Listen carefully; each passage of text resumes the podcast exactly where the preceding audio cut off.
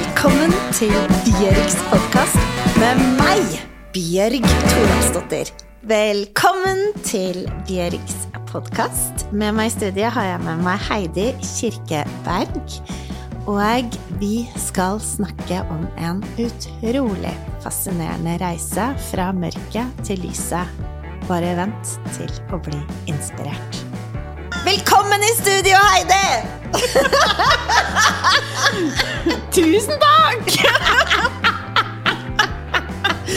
Og det gleder jeg meg til. Let's get started. Men uh, altså, det er um... Ja, for det jeg hadde lyst til å snakke om Jeg brenner veldig for forebyggende helse, og det med at uh, det er veldig mange som jeg tror går rundt og er sykere enn de trenger å være.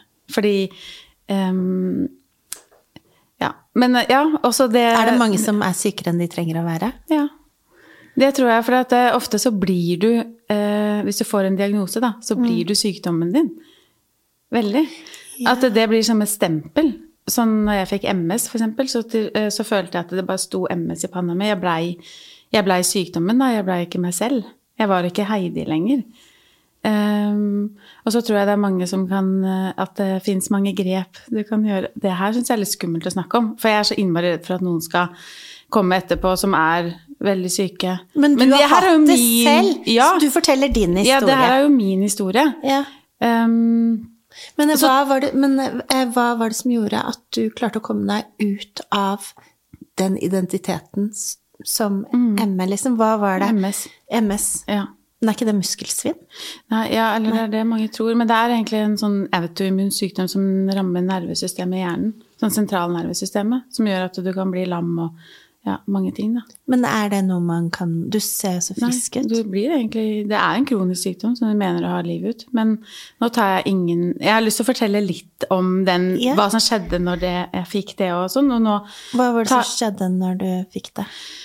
Um, For det tenker jeg kanskje er sånn greit ting å starte med. Yeah. Men da Fordi da levde jeg i det hamsterhjulet.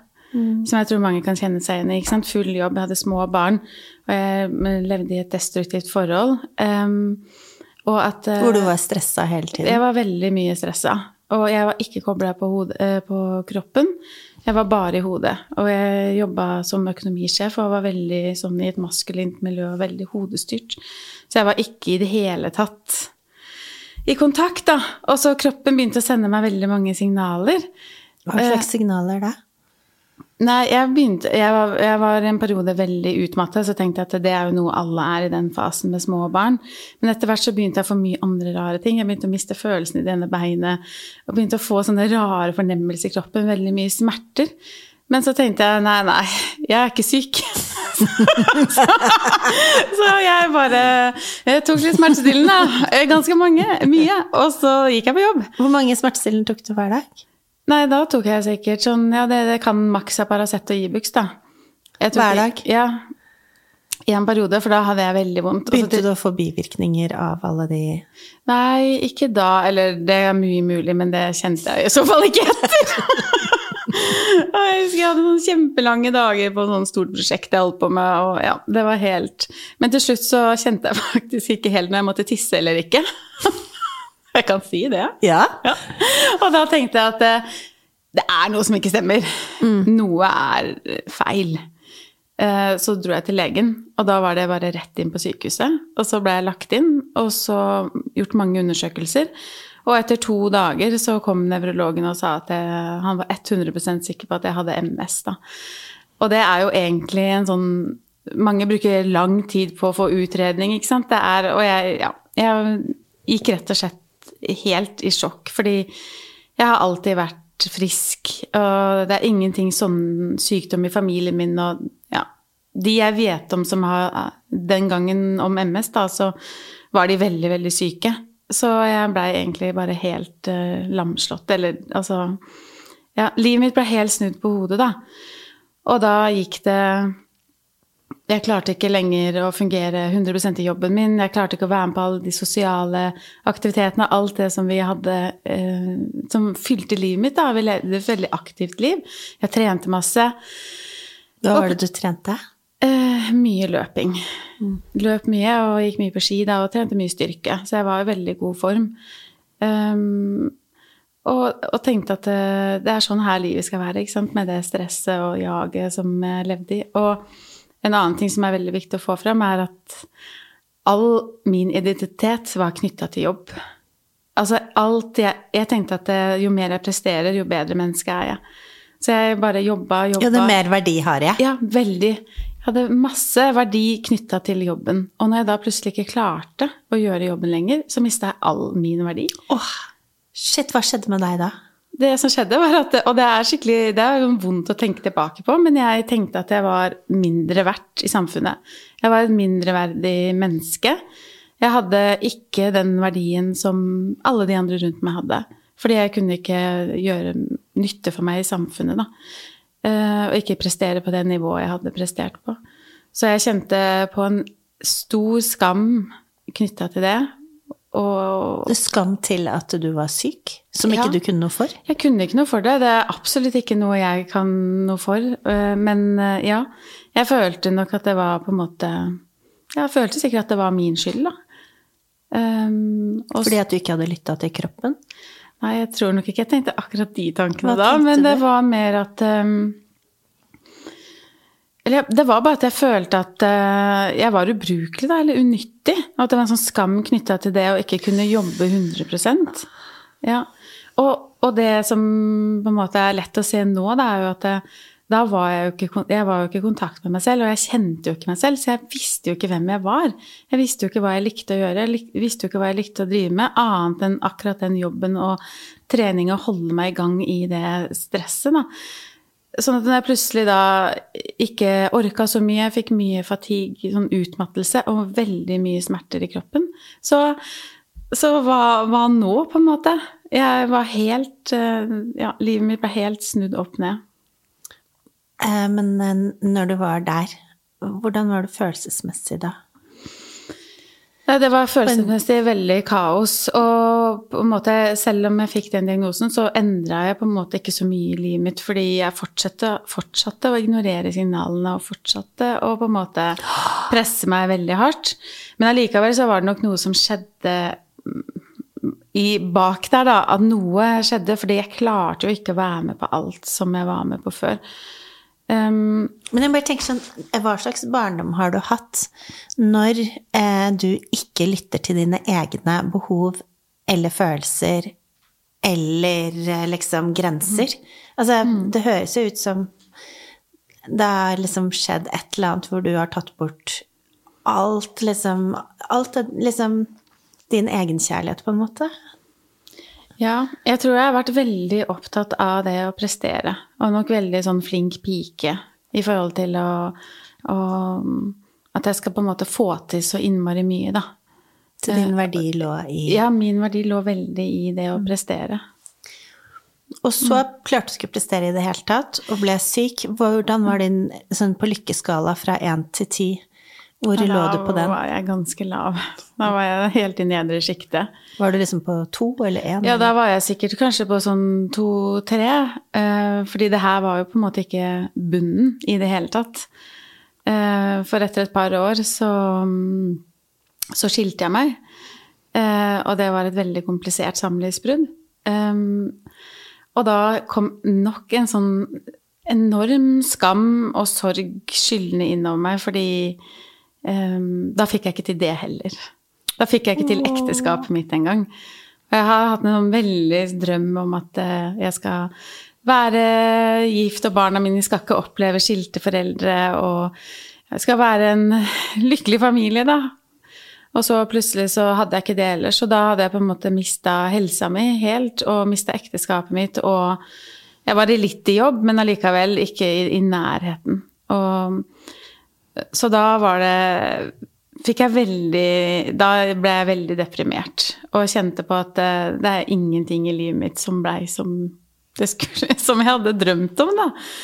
Og så um, Så var deprimert, skilt og hadde en veldig alvorlig kronisk sykdom. Ja, og tok masse sterke medisiner og ja, Og jeg blei egentlig bare sykere og sykere. Og jeg ble veldig utmatta. Jeg lå bare på sofaen og, var, eh, og hadde veldig mye angst eh, i kroppen. Ja. Hvordan følte du deg som mamma da? Helt forferdelig. Åh! Var det et eller annet som var liksom et lyspunkt, eller et eller annet hvor du tenkte at det er jeg god til, eller det klarer jeg, eller et eller annet? Nei, det tror jeg faktisk ikke på det tidspunktet. Åh. fordi da hadde jeg nok mange tanker om at uh, hvis det er sånn her livet skal være, da, så veit jeg ikke om jeg orker å holde i, være i, uh, på dette stedet. Fordi det var uh, så tøft. Uh, så du var... begynte å bli egentlig litt suicida? Ja, jeg hadde i hvert fall selvmordstanker, uten at det på en måte gjorde noe mer med det. Men, men det var eh, Ja. Det var, eh, det var veldig, mørkt. veldig mørkt. Klarte du å tenke at livet er hele tiden i endring? Nei, jeg gjorde ikke det da. Jeg fikk jo hjelp underveis og, og sånn òg. men jeg, jeg, så på en måte Jeg var på en måte i den veldig mørke tunnelen, og jeg klarte ikke å se lyset. Det var bare mørkt rundt meg på alle mulige områder. Altså, det, var, det var mørkt i enden òg, hvis du skjønner. Mm. Det var på en måte ikke noe Å, så fælt! Men du er jo her i denne podkasten i dag fordi at at det kom lys i tunnelen. Ja, det gjorde det. Hva, du må fortsette denne spennende reisen. Eh, hva var liksom Hva, var det, hva, hva skjedde så? Nei, det skjedde veldig Men jeg har veldig lyst til å bare fortelle om ett ja, sånn bunnpunkt ja, til. Ja. Fordi det er ett lyspunkt da, og det at jeg møtte en mann som jeg har veldig sterk kjærlighet til. Som er utrolig god for meg og snill, mm. og som jeg kjenner bare elsker meg virkelig helt uh, betingelsesløst. Kan jeg bare spørre, jeg som singel, hvor møtte du da? jeg møtte ham på jobb, da. ja. ja. Så han eh, var jo der i Og er der fortsatt, da. Vi er jo gift nå. Så han er jo Ja, vært en stor støttespiller hele veien.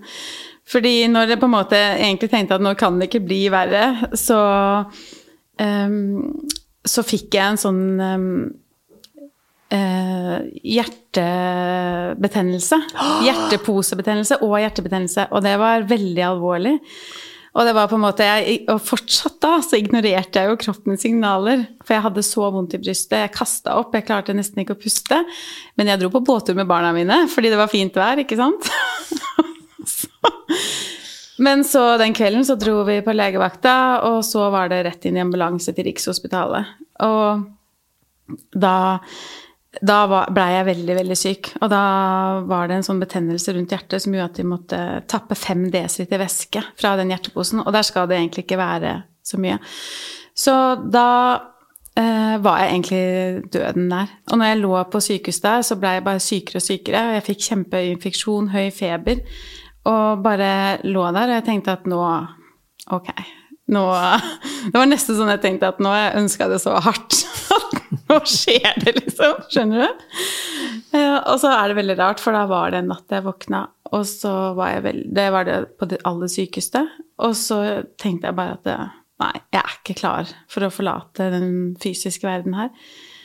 Og så bare la jeg rett og slett hendene på hjertet og bare nei. Jeg vil, jeg vil være her. Jeg vil være mamma. Jeg vil være Jeg vil oppleve mer av dette livet. Og så snudde det faktisk. Og så blei jeg bedre. Og legene fant aldri ut av helt hva som hadde skjedd, og de visste ikke hva de skulle gjøre. Og det var masse undersøkelser og alt det, men så blei det gradvis, men sikkert bedre, da. Så det var noe sånn absolutt bunnpunkt. Men det som er utrolig, var egentlig at det var det bunnpunktet som skapte lyset. Ja, faktisk. Da, er, og det er jo litt det når du er på det aller, aller mørkeste. Det er da jeg tror du kan også når du kommer ut av det, for det er veldig vanskelig å se det akkurat når du er i det. Men etterpå så ser du jo Så kan du se lyset. Og for meg, eh, sånn som det er akkurat nå, da, så jeg mener jo at fargene er sterkere, naturen er sterkere. Alt synes mye sterkere for meg, på en måte, da. Men det høres jo egentlig ut som i det øyeblikket at du forandret fra å være et offer i livet ditt og bare kjøre på mm. til å ta ansvar for livet ditt. Mm. Og ville livet. Ja. Det er akkurat det jeg følte jeg valgte livet, da.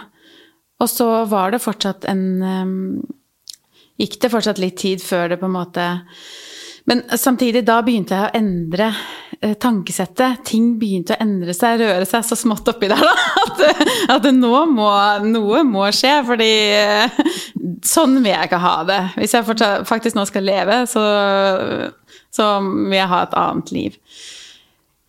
Så etter hvert Jeg hadde faktisk fått den boka di. Hverdagsbobler? Nei. Lykkebobler. Eh, Jeg har lagd så mange, men, Ja, er det, men er det den jeg har skrevet med, sammen med Dora? Den heter Hverdagsbobler. Ja, ja. Eh, Og så har jeg lagd en som heter Veien til lykke. Ja, nei, det er en hverdagsbobler. Hverdagsbobler. Som jeg har skrevet med Dora. Ja, ja, stemmer. Den fikk jeg til jul et år, og så bare Nei, jeg var ikke klar for å lese det. Ingenting. Men året etter så tok jeg opp den boka, og så leste jeg den i, i jula, og så bare Oi! Og så bestemte jeg meg egentlig for å si ja. Nå skal jeg si ja. Det var egentlig det som endra seg inn i hodet mitt. Etter å ha lest den boken? ja. Nei, så kult! Nå, nå, skal jeg, nå skal jeg si ja til ting. Um, og da begynte jeg å melde meg på litt kurs. Jeg meldte meg på kurs med eteriske oljer, som jeg bare ble helt uh, Ikke så hekta på i starten, men jeg kjente at dette er bra for meg, og at eh, dette er noe jeg vil drive med. og ja, jeg tror bare jeg har det sånn langt baki der at uh, dette Ja, det kjennes godt.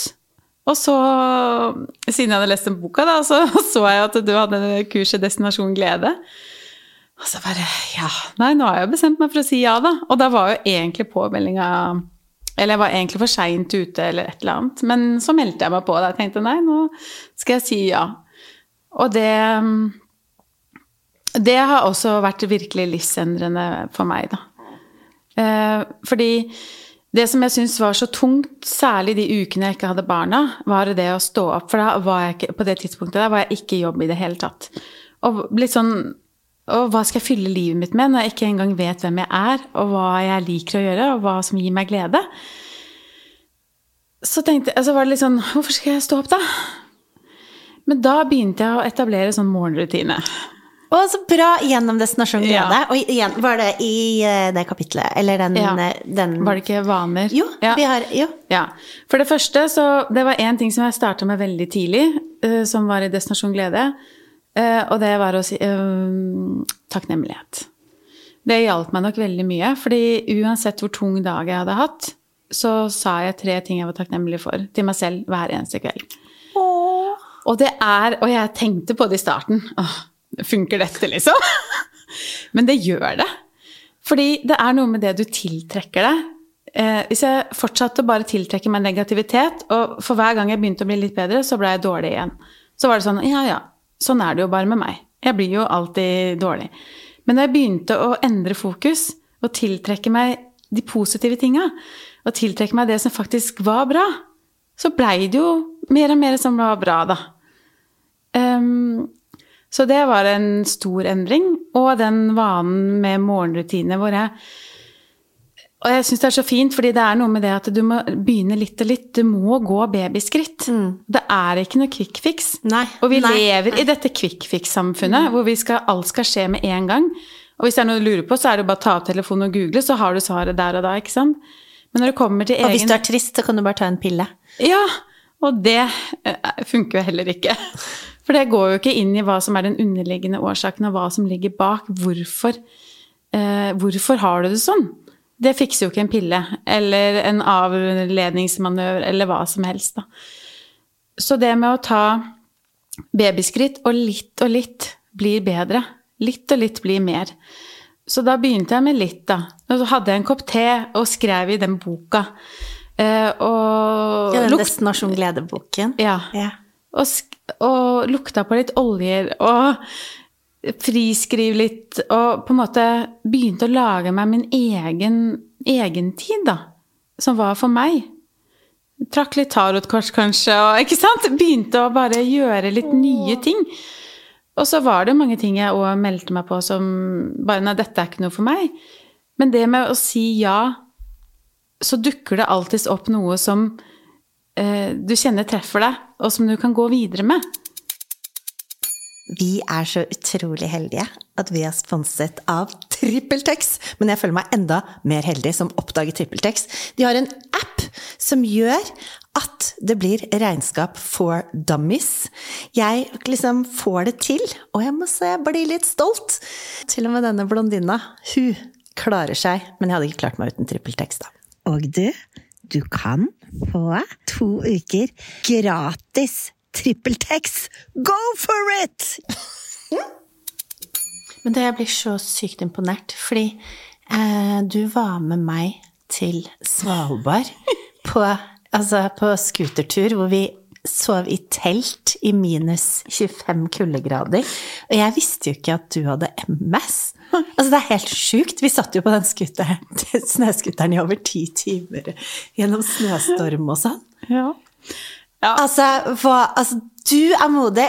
Fortell! Ja, det er helt sykt! Jeg husker um, Altså, du sa ja! Jeg vet! Det er snakk om å si ja, altså. Jeg var så livredd, Bjørg, at du aner ikke! Og det var sånn, det var, for Jeg så den livesendinga dere hadde med åpninga, for da var det korona, så dere hadde en sånn liten åpning. eller sånn, Det var ikke så mange som var til stede, så jeg så en sånn livesending. Og den så jeg jo en stund etter.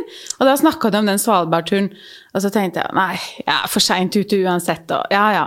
og så satt jeg faktisk på kino med sønnen min, og så klarte jeg ikke å glemme det. Nei, vet du hva, jeg sender en melding til Bjørg og spør. Og så får jeg svar, og bare jo, da er vi Da er jeg med. Og da blei jeg så livredd. Jeg husker jeg kom hjem og bare Herregud, jeg skal til Svalbard! Og han mannen min bare Ja, det er klart du skal til Svalbard. Å, herregud, for en fin mann. Ja, og jeg bare Nei, jeg kan ikke det, jeg tør ikke, og jeg har ikke penger, ikke sant. Alt det der som kommer sånn Du kan ikke ta deg råd til det. Ja, og alle unnskyldningene Ja. som man lager når man Ja. egentlig ikke tør å gjøre noe. Ja.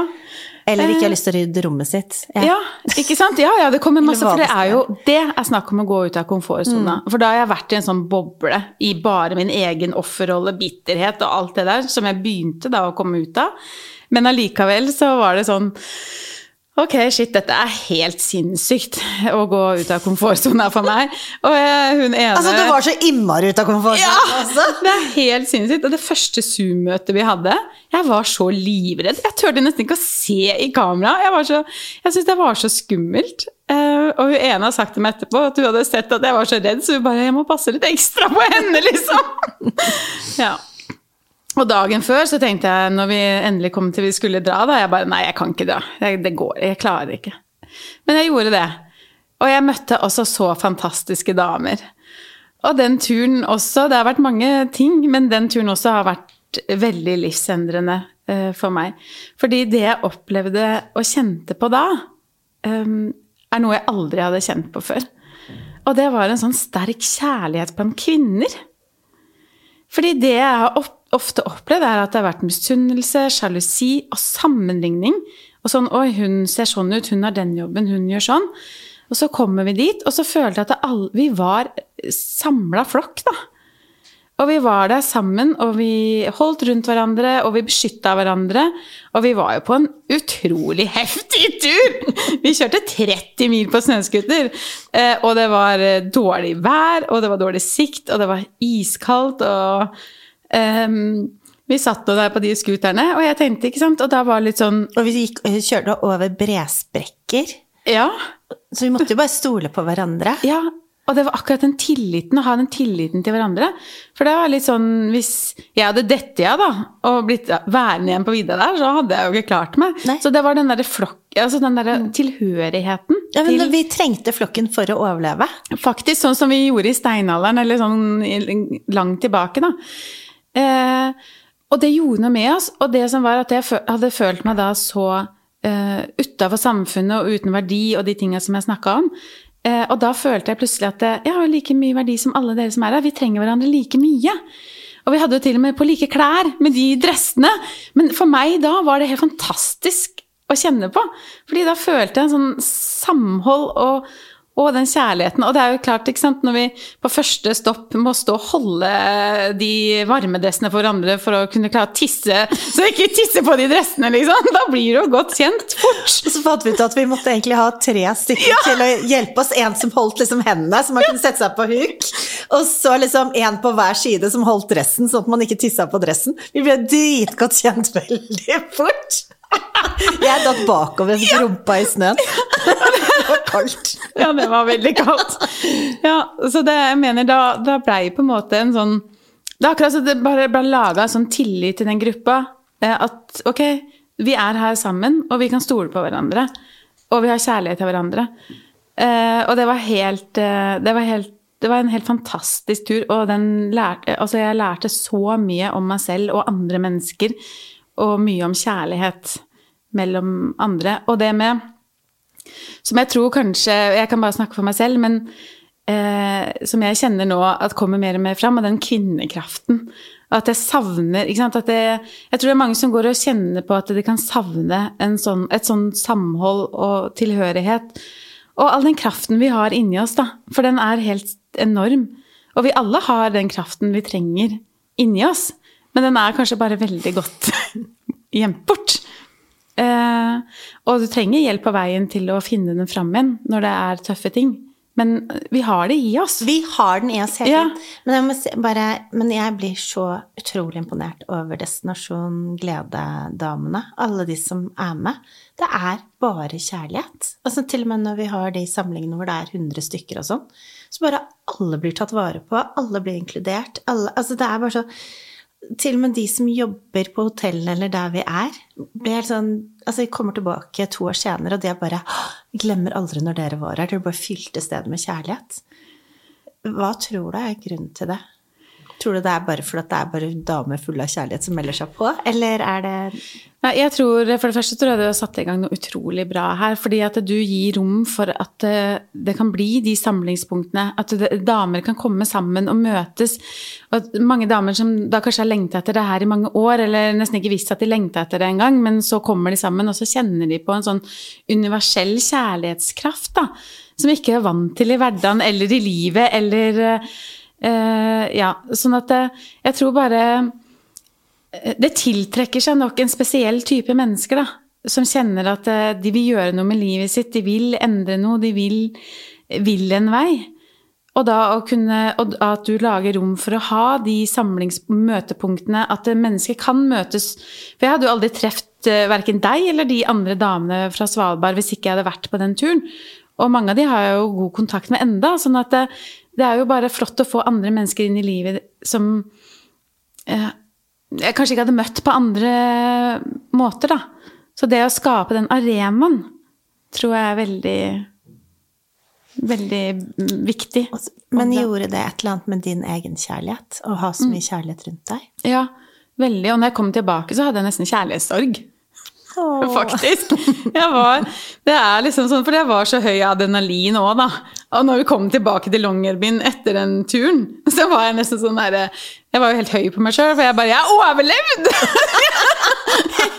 så det var jo ganske sånn syk Jeg husker bare at vi, at vi kjørte scooteren, og så var vi på det fjellet liksom, over, Ja. Eller isbreen, eller hva det er, som er liksom overfor Longyearbyen. Eller hvor du liksom skimter langt der unna. Og det eneste jeg så, var bare Der nede er det vin! Ja, da var det bare å gasse på. Ja, det ble en ganske hyggelig kveld den kvelden vi kom tilbake. Alle Det var i var så gøy! Ja, ja, og Bjørg, ikke minst det bildet som du hadde, det Svalbard-bildet. Og, og det bare det at vi skulle skrive, skrive på eh, Alle skulle skrive fine ting om hverandre, som du skrev rundt det bildet. Og det er sånn, det er så utrolig verdifullt å ha, ta med seg hjem og henge på veggen og se på. Og, og det er på en måte å kjenne på mm, alle de gode følelsene, da. Eller, og som du sa, med egenkjærlighet. At jeg begynner å tørre kanskje å tro på at eh, ok, jeg er ikke så verst, da. At, eh, fordi jeg hadde gått så lenge og rett og slett hata meg selv. Hata det jeg så i speilet, hata hvem jeg hadde blitt, åssen jeg var. Jeg hadde jo gått opp mange kilo etter alt jeg hadde vært gjennom. ikke sant? Jeg kjente meg ikke selv igjen. Så det å sakte, men sikkert begynne da, å bli glad i seg selv igjen Og det er en, en krevende prosess, vil jeg si. Men det er mulig, og det er fortsatt eh, en vei å gå. Og det tror jeg er litt sånn viktig. For meg så er det her livslang vei. Og det tenker jeg er helt greit. Fordi er vi ikke her for å lære, utvikle oss, få inn nye ting. Og det vil være humper i veien, for sånn er det jo i livet. Men du har kommet langt. Det føler jeg at jeg har Ja. Du har gjort en helt fantastisk jobb. Så jeg tenker det er viktig å bare stoppe opp av og til og bare klappe seg selv på skulderen. Jeg vet, Det er sånn som du sier, det er ikke quick fix, og det er resten av livet. Jeg har heller ikke kommet i mål. Jeg har masse, masse igjen å lære, og gudskjelov for det, liksom. Men jeg har det mye bedre med meg selv i dag enn jeg hadde for to år siden, eller for fire år siden. Men um, det som er spennende nå, er fra at du gikk på Destinasjon Glede og liksom fikk de dryppene hver dag med morgensending Ble det lettere å stå opp om morgenen med morgensendinger? Ja. ja. Var det et ledende spørsmål? Ja, det vil jeg ikke Er si det var. det var! lettere å stå opp med meg? Mye lettere å stå opp med deg, Bjørg. Men men eh, det har skjedd så vanvittig mye i livet ditt fra mm. du begynte på Destinasjon Glede og var på Svalbardturen og sånn. Mm. Eh, kan ikke du bare fortelle, bare sånn fort, hvordan går det med Mhm. sykdommen? Eh, Det, altså jeg føler meg bedre enn på veldig lenge. Og nå tar jeg ingen medisiner heller. Eh, Fordi kroppen min bare er som Jeg følte det var gift for meg. Og det er min historie, og sånn som min kropp eh, har fortalt meg. Så, eh, så nå føler jeg Jeg føler på en måte at det går veldig mye bedre, og jeg er på et veldig godt sted i livet nå. Og etter den Svalbardturen som Det var så mange som heia på meg òg, og det var en sånn fantastisk følelse å ha. Og da var, jeg hadde allerede da begynt å bli litt interessert i soneterapi og på en måte kroppens språk. eh, Gå tilbake til naturen, litt den delen der. Da. Lytte til kroppen. Lytte til kroppen. Eh, og, ja, og med en så flott heiagjeng også i ryggen, så, så den høsten så starta jeg på soneterapiutdannelse. Eh, som jeg er ferdig med nå. Eh, og nå, så nå, livet mitt ligner jo ikke på hva det var. I hvert fall ikke for to år siden, ikke for ett år siden engang. Det er noe helt, uh, helt annet. Og nå ser jeg jo på en måte uh, hva mine erfaringer gjør, hvordan jeg kan hjelpe andre, da. Og det er det jeg kjenner jeg har sånn brennende ønske om. Å hjelpe andre. Og gi håp og på en måte Så de kan kjenne at det, det, det er mulig, da. Um, og nå gir jeg jo en del sånn soneterapibehandlinger, og folk kommer igjen og igjen, og jeg kjenner, ser at det er bra, da. Jeg ser at det, eh, at det hjelper. Um, ja. Det er helt fantastisk. Så du er i full jobb og hjelper folk og, gjør, og jobber med hjertet ditt og det vakre hodet ditt. Og de fine hendene, sterke hendene dine. ja, og det er utrolig mye kraft som vi har inni oss, og som vi kan gi videre. Men det viktigste er jo å fylle opp deg selv. Og da har du et beger å fylle, eller å øse av, da. Å, det var utrolig nydelig sagt. Og du er hovedpersonen i ditt liv. Så det er jo noe med å ta det ansvaret, egentlig. Fordi det er ingen andre som kan gjøre jobben for deg. Eh, og det som er sagt, og med at det å få støtte og eh, hjelp underveis, selvfølgelig. Men det er fortsatt du som må gjøre jobben. Det er ingen andre som kan gjøre jobben for deg. Og selv om jeg så mange ganger jeg ønska at noen bare kunne ta meg i nakken og bare fortelle meg gjør sånn eller sånn og gjør akkurat det, eller um, Så er det fortsatt jeg som måtte gjøre jobben, da. Og gå skritta. Jeg spiller hovedpersonen i min uh, film. Så fint. Jeg har faktisk bestemt meg akkurat mens jeg satt her og pratet med deg nå. Så tenkte jeg bare alle de som eh, har lyst til å gå på Destinasjon Glede, og som er sent ute og ikke helt har fått det med seg, eller har sittet på gjerdet og tenkt det er for dyrt, eller det er for et eller annet. At man lager de kanskje unnskyldningene for seg selv, da. Pluss at ja, eh, at man prioriterer andre ting enn seg selv. Så bestemte jeg meg for at jeg skal faktisk ta og la folk få lov til å melde seg på til eh, Syns du 1. februar eller 15. februar? Det startet jo 15. januar. Så men tror du folk klarer å skjønne ting etter 15. Nei, kanskje bare 1. 1. februar. ja. For du klarer, jeg, du klarer å skjønne hva som har skjedd i to uker, og da er du fortsatt med. Så at vi får flere inn i flokken som vi kan ta vare på. For egentlig ser jeg på livet som en Svalbard-tur. Altså, vi trenger flokken. Altså, det er veldig kaldt der ute, men bare selvbetjeningsmaskiner og eh, store institusjoner og sånn som ikke snakker med personer, men bare sak. Altså det er Så jeg tenker vi må sammen Ja, ha vi må snu skuta. Ja. Fordi at det, det er så mye ensomhet der ute. Eh, og det ser jeg jo på mange som kommer på behandling òg. Og noen, som du sa, det med at det er så, mye, det er så kaldt der ute, da. Så for noen så er det bare den praten eh, med en i butikken eh, gjør dagen. Ikke sant? Og når du ikke har det engang. Og det er ganske vondt. Sånn at eh, Ja, det med å samle flokken og få den tilhørigheten og det fellesskapet, det tror jeg er kjempeviktig. Um, Det er så gøy, for da jeg startet Nasjon Glede, så tenkte jeg jeg skal Jeg har lyst til å bare lære bort de tingene som gjorde at jeg fant tilbake til gleden. Eh, Så jeg var liksom bare sånn Vi skal gå på egenkjærlighet, så er det viktig med vaner og sånn.